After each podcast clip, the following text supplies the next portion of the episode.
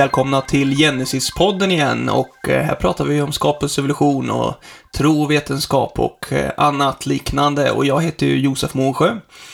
Och eh, med idag är Göran Schmidt. Välkommen Göran! Tack så mycket!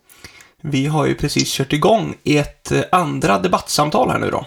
Så det har ju kommit ut ett avsnitt med Sebastian Ibstedt där han är med och lägger fram en del tankar och där han förespråkar eh, eh ett eh, teistiskt evolutionistiskt eh, perspektiv fast med ja, lite annan touch än det som vi har haft med Gunther. Och det blir mer fokus på naturvetenskap här än teologi då kanske också. Så det tror jag blir spännande och vi ska väl ta och dyka in i lite olika frågor här. Och det övergripande då, Göran, som som vi kan börja med, det är just detta, och det har vi pratat med Gunther om en hel del också då och diskuterat, men just detta med eh, Alltså för en bibeltro, den som tror att bibeln är Guds ord. Och det går ju att definiera på en massa olika sätt då liksom. Men eh, vi har ju lite olika tankar kanske där om vad som om vad som ryms där. Eh, Ibstedt sa väl någonting att det finns flera valmöjligheter som bibeltroende. Eh, ja, du ville kommentera det i alla fall lite. Ja, alltså Sebastian har ju helt rätt i att evolutionsteorin bevisar ju inte att Gud inte finns. Så det, det, det kan man ju absolut hålla med om då. Eh, men nu är ju vi evolutionskritiker liksom och eh, om det är så som vi hävdar då att evolutionsteorin är en väldigt långsökt förklaring egentligen och att den faktiskt inte har så mycket stöd i evidensen som folk i allmänhet tror och som det står i våra läroböcker då Eh, utan om det istället då finns en massa saker som faktiskt vittnar emot evolutionen. I så fall, varför skulle man då anamma den som Guds skapelsemetod? Eh, det här är alltså en... På något sätt så ligger alltså de här vetenskapliga bitarna i botten här alltså, så det är viktigt att pröva det här vetenskapligt. Och det är ett faktum att, att eh, att många kristna väljer ju att tolka eh, naturvetenskapen och Bibeln på olika sätt. Det är helt uppenbart. Det, det framgår ju av den här boken eh, eh bland annat som vi har skrivit tillsammans, eh, Sebastian och jag och ett par till då. Eh, och eh, så att Lars Gunther och Sebastian Ibstedt, Kristin Renard och jag, vi, vi har olika liksom, infallsvinklar på det här och det är naturligt och det är nödvändigt för vi har olika kunskaper, vi har olika erfarenheter, vi har olika perspektiv på saker och vi värderar saker på lite olika sätt. Så den här diskussionen är viktig. Eh, absolut. Va? Sen är det så här att all, alla människor, även kristna då, väljer att luta sig mot eh, ja, personer och föreställningar om världen som, som man har förtroende för. Det, det, går inte att undvika att man ibland måste välja någonstans hur man ska förhålla sig till olika frågor utan att veta vad som är sant. För, eh, ta till exempel det här med vaccinationerna nu då mot covid-19. Alltså, ingen vet, men många, många säger sig veta eller hänvisar till folk som säger sig veta vad som är sant och falskt och sånt där. Va? Problemet är bara att till och med vetenskapsmän har ju helt olika uppfattning i, sån här, eh, i de här frågorna. Va? Så, men till slut blir man ändå på något sätt tvungen att ta ställning. Liksom. Eh, häromdagen ringde de verkligen från, jag har gått och funderat mycket på det här, häromdagen ringde de då från, från vårdcentralen och, och sa nu, nu har vi vaccinationstid till dig. Och då blir jag helt, då blir jag tvungen att ta ställning. Eh, och, och, och då, då valde jag att vaccinera mig då. Eh, och, och, så, så, här, va? så att, och, men det är liknande med de här frågorna som vi pratar om i det här programmet med skapelse och ursprungsfrågorna då. Ska, det är också en valsituation. Ska jag välja att lita på majoriteten av forskare som säger att vi härstammar från en bakteriesläkting för flera miljarder år sedan? I, I så fall måste jag betrakta en stor del av de första kapitlen i Bibeln som myter som inte har någon historisk relevans. Eller ska jag lita på personer som som, ja, men som oss i Genesis eller andra bibeltroende biologer och sånt där, som hävdar att evidensen stämmer bättre med synen på en särskild skapelseakt av livsformerna och global översvämning och allt sånt där som Bibeln säger uttryckligen. Så, och det här är ju frågor som bara berör kristna därför att jag menar en vanlig sekulär svensk Alltså, det här är ju inget val för en sån person. Det finns bara ett alternativ och det är evolutionen och årmiljarder. Men om man är kristen och om man har förtroende för Bibeln som Guds ord, vilket vi alla har, jag menar, då har vi ett val. Och det valet blir en samvetsfråga. Det blir en fråga om personligt ansvar i vilken mån ska jag lita på eh, sekulära forskare, hur de tolkar saker och ting? Eh, och i vilken grad ska jag tolka Bibeln som det faktiskt står? Till vilken grad vågar jag hålla bibeltexten för historiskt sann trots att vetenskapen idag säger någonting annat? Vi fyra är alla kristna, men när det gäller ursprungsfrågan nu då så har vi valt olika positioner och det är de som vi motiverar och försvarar i boken och här i podden då. Och det är kul, det är spännande. Så eh, det, det var liksom, liksom mina tankar kring men, det stora perspektivet här då.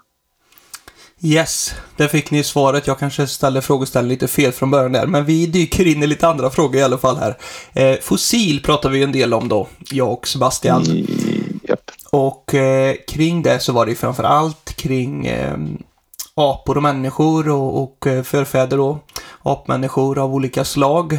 Eh, och Sebastian talar om att, eh, att, han, att han menar att det verkligen finns eh, eh alltså morfologiskt, alltså hur utseendemässigt och sådär fossil, att det pekar på att vi har gemensamt ursprung då med eh, nu levande apor. Eh, han talar lite om järnvolym och eh, att det finns fossil som har delvis upprättgående gång och sådär.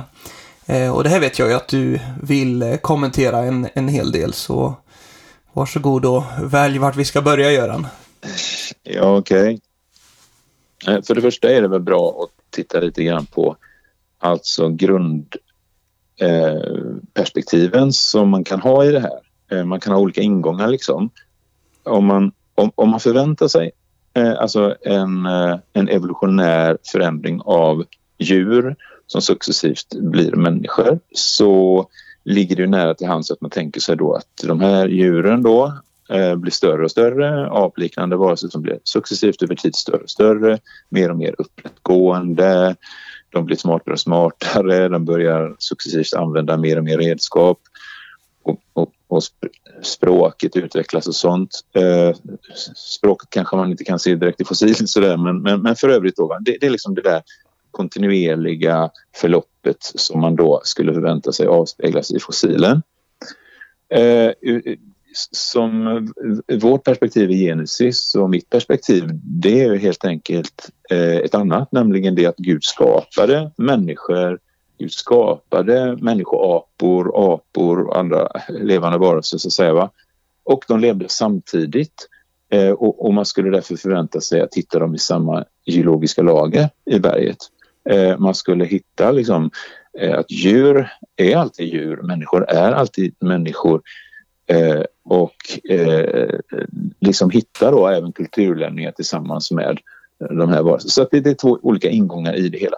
När man nu ska tolka det här, det här är alltså ett, ett det brukar ju kallas för eh, ja men det är ju humanantropologi då eller när man letar efter ja, eh, fossil då i, i människans förflutna. Det, det, är en, det är en väldigt svår konst kan man säga för det första.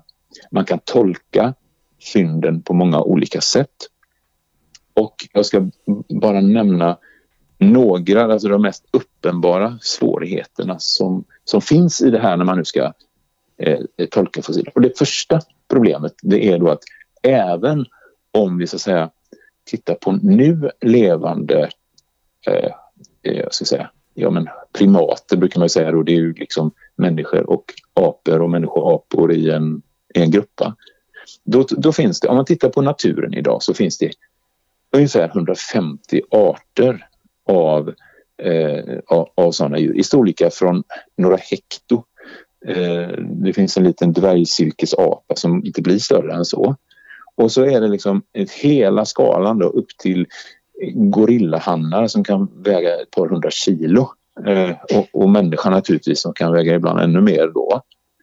Så att, Eh, här finns det då, då kan man konstatera det, de, de människor som har minst eh, skallar, så att säga, om vi tar, tar till exempel då eh, eh ja, men en pygméstammar i Afrika eller en annan del av världen. Så, så är liksom, har de liksom, till exempel en skallvolym som är mindre, betydligt mindre än en schimpans, stor schimpanshannes. Det gör ju inte de är inte mindre, alltså pygméer är inte mindre intelligenta än, än andra människor. Liksom. Men man ser att anatomiskt så finns det ett överlapp. Det är samma sak med det här med upprättgången därför att det finns vissa arter som schimpanser till exempel, de, de, de går upprätt ibland medan andra apor alltid lever i träden i stort sett. Va? Och det gör eh, alltså sådana apor som, är, som så att säga har, lever, har en livsmiljö som är delvis på marken då, de, de har då anatomiska anpassningar för att eh, alltså det syns i skelettet liksom att, att de, de har ett sånt levnadssätt då. Så att, eh, så att bara för att man kan placera olika storlekar och olika liksom, former till varandra i en sekvens så får man inte, man får inte glömma alltså det, det absolut tydligaste mönstret när man tittar på nu levande primater så är det det att vi har en, en, en, en jätteskillnad mellan människor. Eh, då, om vi tar kraniekapacitet så är det kanske ja, men det, upp till 15 deciliter eh, i, i kranievolym. Va? Någonstans mellan 1200 och 1500 något sånt där. Medans, medans eh, schimpanser och andra ligger på någonstans 400 kanske 350, 400, 450 i normalfallet. Va? Så att det är en faktor 3 emellan dem. Så, sen kan man ju då ta enskilda individer som jag sa och anordna en sekvens men det säger faktiskt ingenting om hur de blev till. Det, det bara, eh, man kan bara konstatera där att man kan lägga sekvenser som ger en felaktig bild av hur det ser ut. Det gäller även fossil. Då. Så. Det andra problemet där det är att när man hittar ben av apor eller människoapor då, schimpans, gorilla, orangutangerna. Eh, och, eh, så hittar man dem ofta tillsammans med människoben också i samma lager i marken. Och eh, det gäller även då eh, med till exempel Lucys ben till exempel som man då hittar, va? australopitheciner. Eh, man ska veta det att, att eh, ben i, I de geologiska lagren så hittar man då ben av olika typer av, av organismer i samma eh, lager. Då. Men, det, det, men Göran, det skulle inte en eh, evolutionist hålla med om, eller? Att man hittar människoben ihop med Lucy? Eh, eh, man, de skulle, om vi säger så här, det, är, det beror på vem du frågar. Därför att frågar du till exempel Richard Leakey som är en av de eh, mest alltså, namnkunniga eh, antropologerna då, så, så har han hävdat det hela tiden. Liksom, att, att, eh, att det är på det sättet. Eh, och, och, där, är det en, där har det varit en schism då mellan honom och eh, Donald Johansson då, som, som är den här Lucys eh, uppfinnare kan man säga då, hennes släkte där. Eh, det har varit en jätteschism mellan dem och är fortfarande liksom, därför att de tänk, tycker olika om de här sakerna. Så att, och, och, när, när, bara som en kuriosa då, alltså när Donald Johansson då hittade liksom, eh, eh, den där knäleden då eh, som sen hamnade på Lucy eh, så, så, så var han helt övertygad om att det här var en, en, en mänsklig och han rådfrågar andra personer som, som konstaterade ja det här är liksom en mänsklig eh, knäled då. Eh, men sen så Eh, till slut eh, så hamnade den där knäleden inkorporerad i eh, ett antal andra eh, skelettdelar som sen byggde upp Lucys skelett och de hittades liksom, det handlade om flera kilometers radie eh, som de här skelettdelarna plockas ihop ifrån och, och knäleden tror jag låg, om jag inte minns fel, låg den i ett lager som var 60 meter längre ner än de andra delarna. Så det, det, här är den eh, tredje grejen då, nämligen att de här forskarna måste lägga pussel av det de faktiskt hittar. Eh, och när man lägger pussel i våra, vår tid så att säga, då, då går man ju liksom och, och, och, köper ett paket och då har man liksom facit på framsidan av, av ovansidan av kartongen. Men det har man inte i de här fallen utan här måste pusslen läggas och eftersom man nästan aldrig hittar två benbitar som sitter ihop så måste man lägga pusslet liksom verkligen från scratch. Och då kommer det här in i bilden med vad har jag för förväntningar när jag lägger det här pusslet? Förväntar jag mig att det här ska vara en människa? Förväntar jag mig att det här ska vara en apa? Förväntar jag mig att det ska vara något mitt emellan? Och de förväntningarna påverkar väldigt, väldigt mycket hur man framställer det här eh, sen i, i, i media och sådär. Så, så det finns flera olika orsaker. Så, så, så dels överlappen, eh, naturliga överlapp Eh, och sen att det är en mix av saker man hittar och sen ska man pussla ihop det och eh, försöka göra det på ett objektivt sätt. Och det är svårt, för vi är alla människor. Och det man skulle behöva hitta då är ju hela fossil då liksom. Då skulle det vara lättare om det fanns alla bitar som ligger ihop I, i stort sett då. Ja, det, Eller sitter det, ihop. Det, det, är verkligen extremt sällsynt att man, att man, att man gör det. Så, så att det, det, i praktiskt taget alltid så handlar det om att göra ett antal sådana här eh, ja, men, man, man bygger ganska mycket på sina förväntningar. Ett exempel som... Jag ska ta ett konkret exempel därför att eh, Sebastian han, han har ett exempel som han tycker är övertygande då som, som, som eh, kallas då för Ardipithecus ramidus som han nämner då. Eh, en, alltså det är en varelse som då eh, är påträffad i berglager som ligger betydligt längre ner än Lucy. Då. Så att det, man tänker sig det som en föregångare till Lucy. Då. En, en tidig eh, apliknande varelse som på väg att bli människa. Då. Och, och, och jag, det, det ska säga nu, det är in, absolut inte att sådana här eh, antropologer då är vare sig, de, de, är inte korkade och de är inte mer konspiratoriska än, än vad andra människor är. Men man följer bara liksom majoritetsflödet i sitt tänkande då. Jag, jag, jag vill bara visa på att, att eh, hur vanskligt det är att lita på någon enstaka artikel i Science eller Biologos eller i värsta fall Wikipedia eller någon lärobok i biologi. Så, för ofta så är det så att de ser bara som sin yttersta kallelse att bekräfta evolutionens faktum. Eh, då. Men jag, jag, ska bara säga några fakta kring Adipithecus som man bör känna till när någon säger så här att den här varelsen, det här är verkligen ett bra bevis på att människor kommer från apliknande varelser. Så eh, jag ska bara nämna några helt kort. Eh, vad gäller... Alltså, den, det här fyndet det handlar om 125 benbitar som man eh, påträffade 1992. Och man hittade dem inom en radie av 6 kilometer. 6 eh, kilometers radie. Inom det området där plockade man benbitar. Och efter vad det verkar 17 år så hade man fått ihop ett, eh, det här pusslet och eh, rekonstruerat den här varelsen. Då. Eh, om man då tittar på den här så kan man säga då så, för det första då, den är lika stor eller liten som en nu, nu levande sån här bonobo, alltså dvärgschimpans. Tittar man på järnvolymen, järnkapaciteten då, så eh, fick man fram den genom att man pusslade ihop 100 små benfragment. Så. Och då fick man fram den här volymen till 300, eller ungefär 3 deciliter, 3-3,5 deciliter någonting. Det är strax under medel för nutida schimpanser. Okay. I det ligger ju ingenting som på något sätt gör den mänsklig då.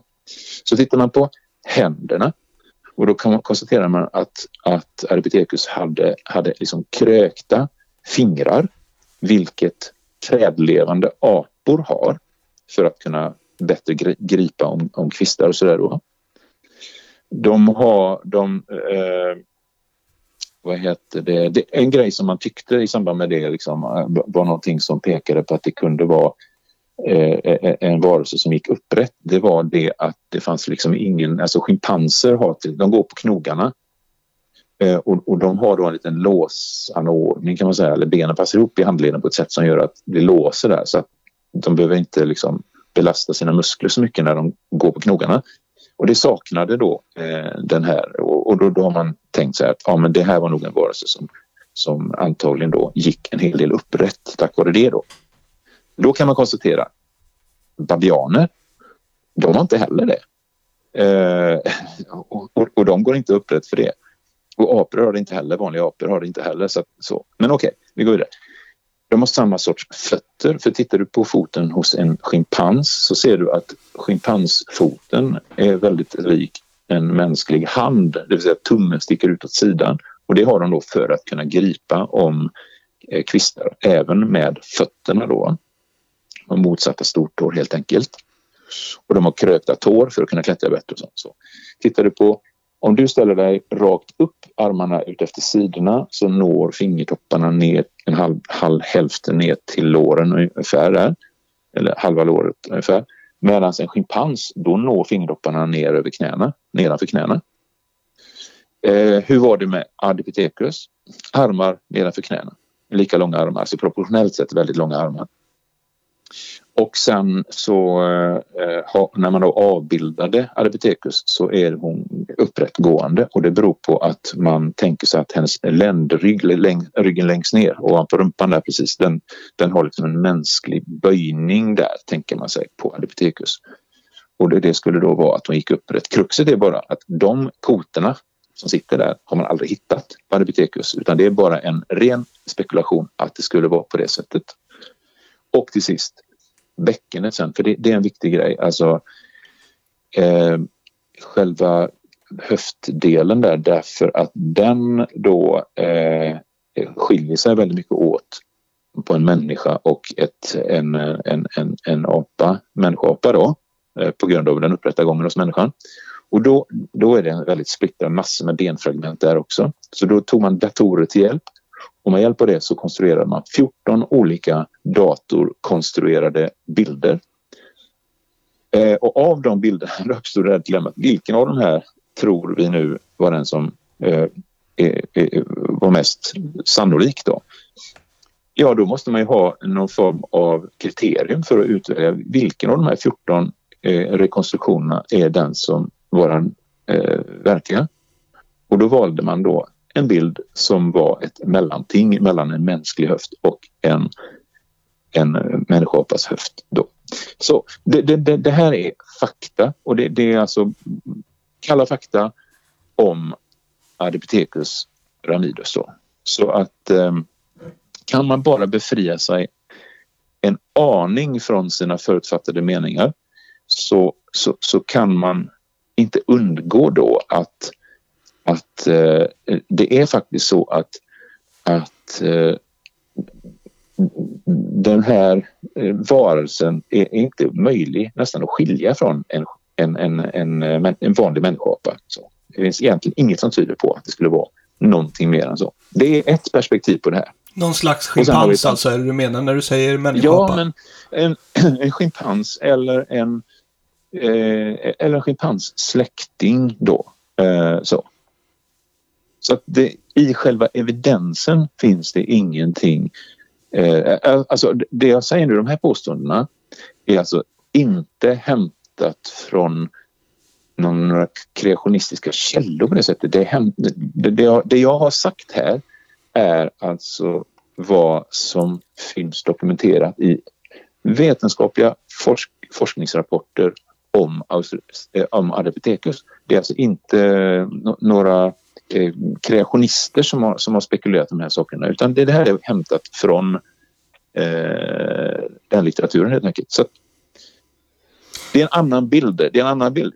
Ska jag luta mig då som kristen mot de här bräckliga benpusslen och låta det påverka min, min eh, syn på, på Bibeln och människans uppkomst? Det, det, det är en samvetsfråga. Tycker jag. Just det. Så vi får väl låta Sebastian svara på det här lite sen också då. Om det blir ett ja, svarsavsnitt det, det, på detta. Ja, men eh, det tycker jag. Men jag, jag kan, I det här sammanhanget jag kan bara rekommendera en bok där då. Eh, som, som heter Contested Bones av eh, två forskare, en som heter Christopher Roop och en som heter John Sanford och den är från 2017 den här boken. Den är, det, den är riktigt, riktigt bra. Och den är helt baserad på sekulär forskning och det är inga hänvisningar till några kreationistkällor. Den, det är hämtat helt och hållet från den sekulära forskningsvärlden. Allting. Eh, och därifrån har jag hämtat det här. Jag har inte gått till alla de här källorna själv, men därifrån har jag hämtat vi har, ju, vi har ju pratat lite Göran om vi skulle översätta den boken. Eller om du skulle översätta den till svenska. Ja. Man får väl skicka ja. in till oss på podden om man vill att, uh, att det ska göras. Om det finns många som ja. önskar så. Det vore ju spännande att jo, få reda på. Det, det, Absolut, absolut. Jag får en kvart över någon gång att göra det. Precis, ja. Det, vi får se om det blir av givetvis. Men eh, man får gärna ja. skicka in om man tycker att det vore spännande med en sån eh, översättning till svenska av en, en sån bok då. Ja. Eh, precis, ja men eh, spännande. Det här är ju Det är någonting som vi får se vad det kan bli för svar på det då, om vi får till det. Sen om vi ska hoppa vidare då så eh, pratade vi en del om det här med ERV, jag och Sebastian. Endogent eh, retrovirus. Eller hur man säger det hela. Och det handlar ju om att eh, att man menar att eh, är 8% av människans DNA att det skulle komma från sånt här retrovirus då, en sorts virus som har attackerat eller integrerat sig själv då i vårat DNA. Och ja, och, och, och, det är klart, det är ju verkligen då ett argument för att eh, vårat DNA liksom skulle ha utvecklats med tiden och sen så hänger det även ihop med att att man eh, ser att det finns liksom liknande de här de här eh, ERV liksom, de, de, finns liknande i eh, schimpanser och andra apor och människor och sådär. Men vad, vad säger du om det här argumentet som eh, Sebastian tar upp? Japp. Um, uh, för att bara helt kort repetera lite grann med, med bakgrunden, komplettera det du sa där, så, så kan man säga att nästan hälften procent, man säger 45 procent av vårt mänskliga DNA då. Det består av eh, sekvenser då av, av DNA-bokstäver då som är eh, väldigt, alltså de är upprepade hela tiden. Det är AT, AT, AT, AT, tusentals eh, upprepningar och sånt där. Va? Och, och de brukar kallas då för mobila element eller transposoner eller hoppande gener. De kallas så därför att de har förmågan att skapa kopior av sig själva via RNA och sen foga in sig på, på, på nya platser i, eh, i arvsmassan. Då. Så att eh, så såg det. Och en del av de 8 procent av de 45 procenten, de, de påminner då, som du sa där, de påminner om en sorts virus som kallas för RNA-virus, som corona och HIV och sånt där. Och eh, det är det som brukar kallas för eh, endogena retrovirus. Då. Och historiskt sett, om man tittar tillbaka lite grann på när man först upptäckte det här och sånt där så kan man säga att evolutionister var jättesnabba med att tala om för allmänheten då att det här, de här delarna av vår arvsmassa är skräp. Och eh, eh, Richard Dawkins var en av de som var snabbt på där redan eh, i mitten på 70-talet så, så, skrev han en bok som heter Den själviska genen. Och där hävdade han då att de här rörliga eh, DNA-bitarna då eh, inklusive ERV då, eh, det, det, var då helt enkelt eh, själviska gener. Det, det, var liksom den rubriken som han gav till sin titel, han gav till sin bok också, då, The Selfish Gene. Då. Och den har haft en enorm påverkan på hur man ser, speciellt allmänheten, liksom ser på människans arvsmässa då, och evolution och så. så eh, och evolutionister tolkar alltså då de här ERV eh, som som spår av eh, ja, men, eh, gamla virusinfektioner, alltså tidigare generationers virusinfektioner. För att virus kan invadera kroppen, det vet ju alla, och cellerna. Eh, och om en sån invasion då råkar ske i ägg eller spermier då, då kan då teoretiskt sett i alla fall, för man har aldrig kunnat observera det hos människor då, men teoretiskt sett så skulle då sånt här virus-DNA kunna eh, eller virus-RNA egentligen kunna omvandlas till DNA och sen klistra in sig i äggets eller spermiens eh, arvsmassa och då skulle den sen kunna föras vidare till nästa generation. Och så, där, va? så att med evolutionisters ögon så kan man säga då är vår arvsmassa till stora delar ett resultat av årmiljoner av virusangrepp. Då, va? Och, då, och, och, så använder man då ERV då som bevis för det kan man säga. Och att när man jämför då, precis som du sa, genom att jämföra det här i olika organismer, olika primater till exempel, så kan man då konstruera släktträd. Vad ska man nu säga om det här då? Ja, Sebastian, han har ju liksom berättat lite grann för alltså hur, hur man ser på det här i sekulära sammanhang och han tycker också att det, han, han tycker också att det verkar trovärdigt. Eh, alltså man kan snöa in helt på detaljer här så jag, jag ska försöka att göra det beskriva liksom huvuddragen i hur vi som är evolutionskritiska då tolkar de här sakerna. Och, och då vill jag ta upp två grejer som liksom en respons på det som Sebastian säger. Och det första det kan man säga, det handlar om helikopterperspektivet på alltihop. Alltså är det rimligt att en så destruktiv eh, faktor som virusangrepp kan åstadkomma något så fantastiskt som att skapa människor då? Och en följdfråga, är det rimligt att Bibelns Gud gjorde det på det sättet? Så, det är den första. Den andra är, är det här som kallas för ERV verkligen rester av virusangrepp? Tänk om det är något helt annat. Och vad skulle det vara i så fall? Så det är de grejerna som jag tänkte säga någonting om. Ursäkta.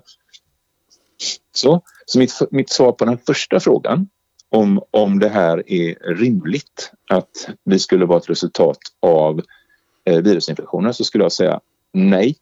Det är emot allt sunt förnuft att, att tro att något så destruktivt som virusangrepp skulle vara vår skapare eller Guds skapelsemetod. För det skulle förutsätta att de här virusangreppen skedde med en, en, alltså en logistik och en timing som var helt enorm så att de sen, alltså, så att de på något sätt slumpvis skulle råka bygga människohjärnor av aphjärnor. Och troligen skulle Sebastian säga här att ja, det är möjligt. Om Gud eh, förklädd till slumpen skulle se till att det råkade bli så, då är det möjligt. Liksom, va? Och jag, eh, problemet när man, när man tänker så, för jag tror nämligen, jag tycker jag läste någonstans att Sebastian tänker så, att, att problemet med, med, med sånt det är att man kan liksom inte bemöta den typen av argument. Eh, de är helt immuna mot, mot eh, kritik eh, och, och det tycker jag är ett skäl att inte använda sådana argument. Då. Det är en av, ett, ett av mina främsta argument mot, att, mot teistisk evolution. Då, va? För det skulle dessutom innebära att Gud under årmiljoner lät miljontals individer dödas av viruspandemier med ett syfte, nämligen att långsamt, långsamt välja fram allt smartare sådana här apmänniskor och jag skulle säga att det är helt främmande för Bibelns Gud. Jag skulle snarare säga att, att i den mån som vår arvsmassa verkligen innehåller rester av forna virusangrepp så är det en konsekvens av syndafallet. Så att ur biblisk synpunkt så är det, är det mycket mer relevant att se på viruspandemier som en del av den förbannelse som faktiskt vilar över den här världen sedan syndafallet. Och, och som man kan läsa om i Romarbrevet 8 och Uppenbarelseboken. Alltså där, där står det att en dag är det ett minne blott, de här grejerna. Men så att här har vi en jättestor skillnad då i synsätt. Antingen en skapande process eller en, en, en, en, nedbrytande process sen syndafallet. Då. Mitt svar på den andra frågan då. Är det här verkligen frågan om virusangrepp? Då skulle jag säga högst sannolikt inte något virusangrepp. Och varför inte det då? Varför är det, vad är det som talar för att det här inte skulle vara virusangrepp? Jo, för det första, som jag sa förut, så har man aldrig sett att virus-DNA har kunnat integreras i människans arvsmassa så att det ärvs till nästa generation. Man tolkar de här RV, som att Eh, de sitter där för att det har skett en gång i det förflutna. Då. Men det behöver inte vara så. Eh, Okej, okay. Eh, I det här så döljer sig ett problem som inte är så litet egentligen. Det brukar kallas för väntetidsproblemet. Då tänker vi så här. Hur lång tid skulle det ta för... Vi säger att vi får ett virusangrepp. Det kommer in ett virus och så säger vi att det råkar vara ett virus som när det har planterat in sig i människans arvsmassa så ger det den individen en fördel på något sätt. Eh, jag kan inte hitta på någon, men, men säg att det var en viss fördel då. Va? Hur lång tid skulle det ta för den eh, fördelaktiga eh, ERVn då att spridas till en hel population av människor eller någon annan varelse? Det beror då på faktorer som till exempel hur fördelaktig den är. Ju mer fördelaktig den är desto snabbare skulle det gå. Hur stor populationen är hur lång generationstid det är, alltså hur lång tid innan man får ungar och hur många ungar man får. Så. Och här har man använt då datorprogram för att simulera liknande situationer. Och eh, i, i, i människans fall så är väntetiden på att Eh, en ny, ett nytt anlag då som kräver två punktmutationer, alltså två bokstäver som har bytts ut i DNA. Att, eh, vänt, hur man får vänta, alltså i, eh, om man har en population på 10 000 individer eh, så kommer det att ta 80 miljoner år innan den här populationen har eh, innan hela populationen har det här anlaget i sitt DNA. Och, och då är det en, en, en fördelaktig eh, händelse då. Så att det, det, det, är alltså 13 gånger så lång tid sedan människa och schimpanser tros ha separerat då. Och, och, och än värre skulle det naturligtvis vara ifall den här ERVn inte skulle ha någon tydlig fördel för sin bärare. För då skulle det bara vara slumpen som styr hur spridningen var i populationen. Alltså genetisk drift kallas det då. Det skulle ta ofattbart längre tid. Tänk dig själv liksom. Du får, det, är så här, det uppstår en mutation i din kropp. Du får en, eller vi kan säga att det är en ERV då, som, som ett virus som angriper dig. Och konsekvensen blir att du får en hårtofs på, alltså det är inte du som får det, men ditt barn får en hårtofs på näsan. Okej. Okay. Om vi antar nu att detta var extremt eh, attraktivt för det motsatta könet att ha den där hårtofsen där då. Eh, du, du bor i Falköping va? Jajamän. Ja. Eh, alltså, då kan man tänka sig så här. Hur lång tid skulle det ta tro innan hela Falköpings befolkning hade den hårtofsen på sina nästippar? Eh, och, och, då inser man att det bör ha tagit väldigt, väldigt lång tid då. Eh, om vi tänker oss tanken att den där hårtofsen inte alls hade någon fördel. Hur lång tid skulle det då ta innan hela Falköping hade den hårtofsen på näsan?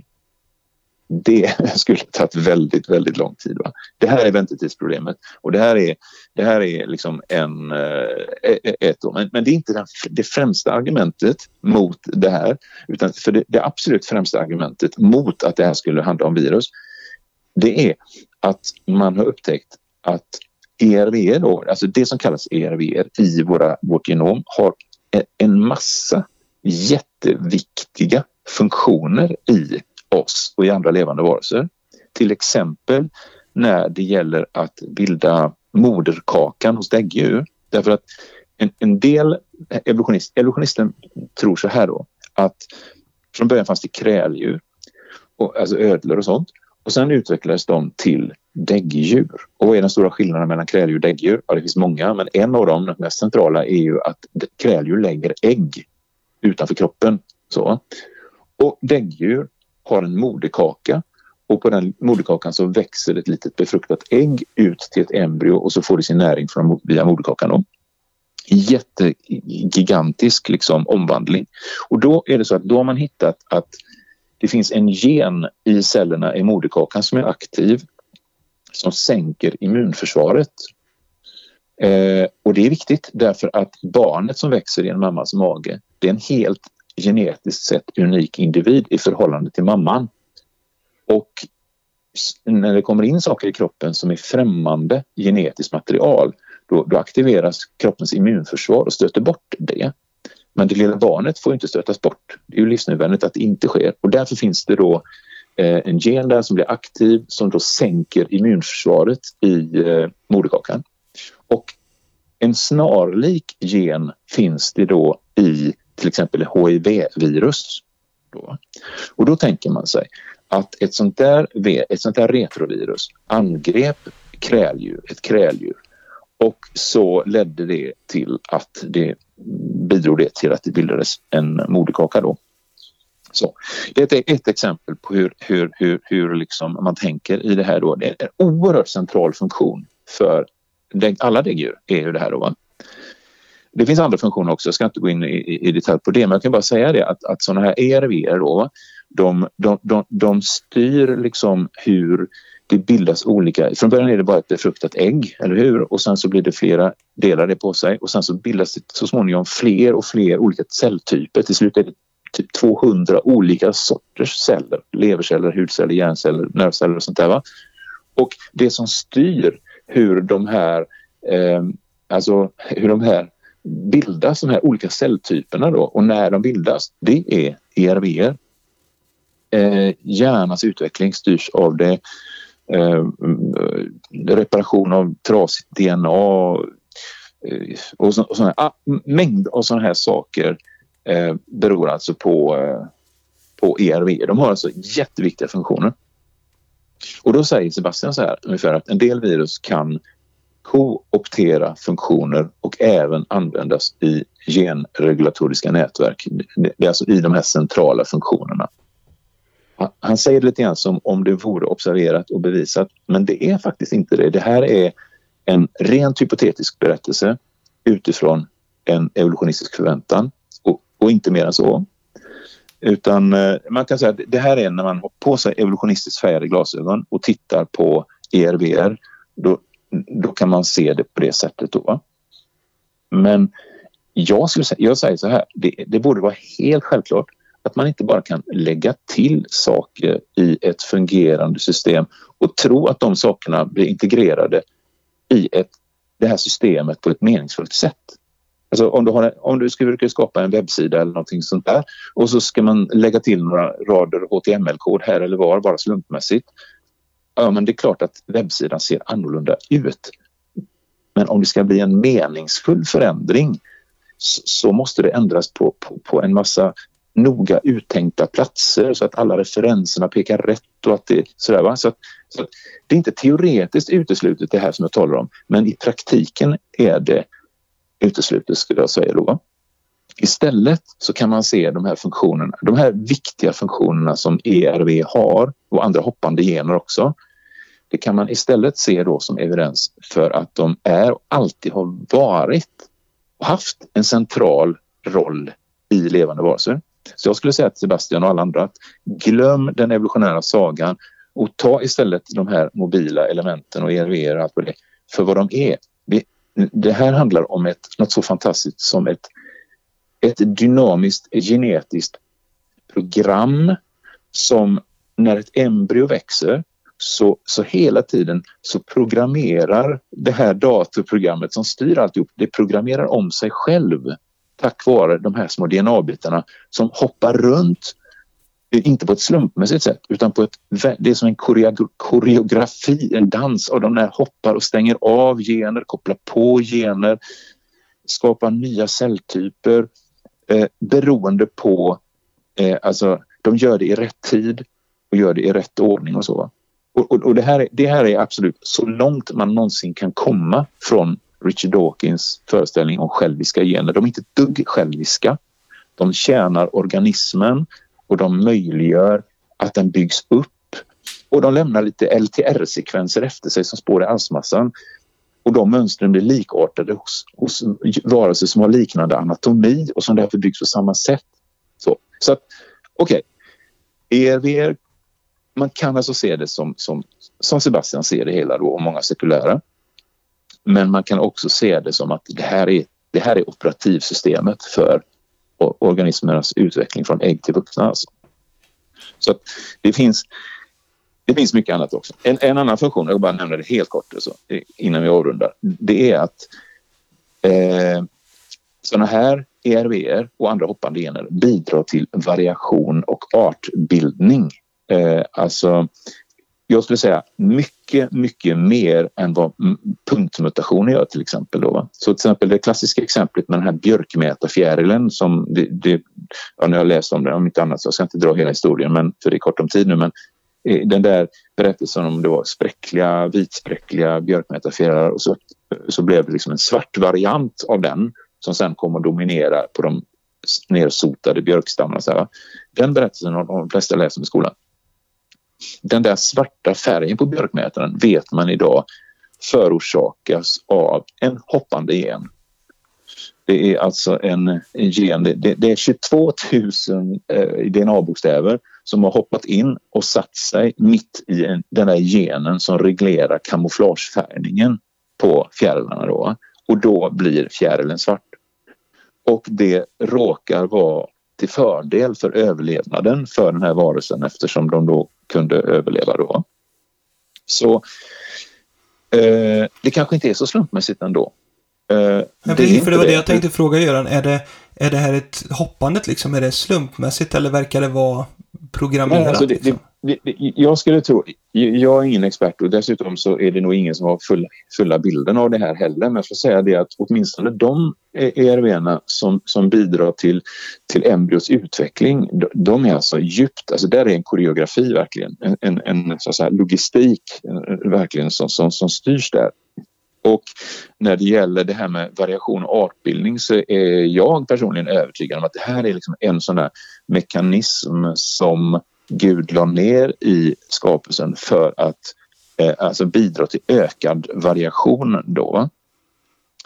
Eh, så, så, att, eh, ja men, alltså e-, e-, evolutionister hävdar ju då liksom att, att de här hoppande generna kan skapa helt nya egenskaper och helt nya organismer genom att de, ja men det klipps och klistras i arvsmassan då. Mm, men det återstår att bevisa skulle jag säga. Det är en sak att det, det blir variation inom en population av organismer, som i björkmätarfallet då. Men att, att sådana här hoppande gener skulle bygga en hel organismvärld genom att skyffla gener fram och tillbaka, det är ren spekulation så att säga. Och, och, och, det är inte det som evolutionsteorin behöver förklara. De behöver inte förklara hur gener och anlag flyttas fram och tillbaka utan hur de uppstår i första rummet. Då.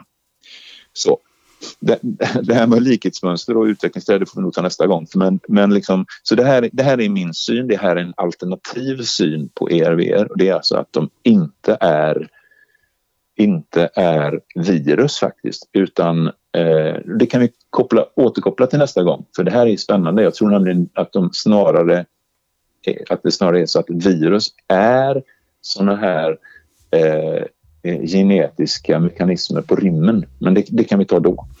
Vi sparar det ja, jajamän. Yep. Så får vi landa här för idag. Det var mycket spännande yes. det här. Man får väl eh, lyssna två gånger om det är lite komplicerat. Men, eh, ja. och så får vi se vad det blir för eh, svar på detta då också kanske så. Men ja. eh, tack så mycket Göran för detta. Mm, tack. Och så får vi uppmuntra våra lyssnare till att eh, man får gärna skicka in frågor då till podden genesis.nu. Eh, podden stavas med 2D så får man gärna dra in eh, kommentarer, frågor eller något annat man tänker på. Men eh, tack så mycket och ha det bra allihopa. Hej då!